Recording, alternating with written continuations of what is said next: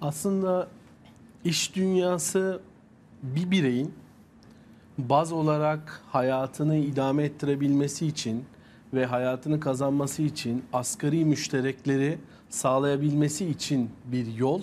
Ama onun üzerine de daha donatıcı olarak hayallerini gerçekleştirebilmesi için yine bir yol niyeti.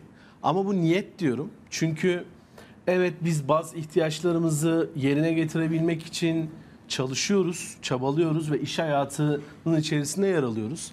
Ama hayalleri gerçekleştirmek üzere aslında onu da niyet ediyoruz. Ve bu bir serüvene dönüşüyor ve bu serüvende de aslında biz hayallere ulaşma doğrultusunda ilerliyoruz. Ve maalesef bu bir niyet dememin nedeni şu, lafın ortasından konuşmamız gerekirse artık iş hayatı hayatımız. Yani eskiden hayatımızın bir alt kümesiyken iş hayatı şu anda maalesef hayatımız iş hayatımızın alt kümesi olmuş durumda.